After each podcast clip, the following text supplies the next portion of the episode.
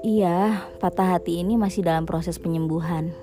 Gak mudah memang, tetapi tekadku untuk pulih jauh lebih besar dibandingkan dengan hasratmu yang ingin kembali, meskipun sudah meminta maaf dengan gigih. Sudahlah, hidupmu ya hidupmu, begitupun dengan hidupku. Maafku sudah kuberi, tapi tidak untuk hati dan hidupku lagi.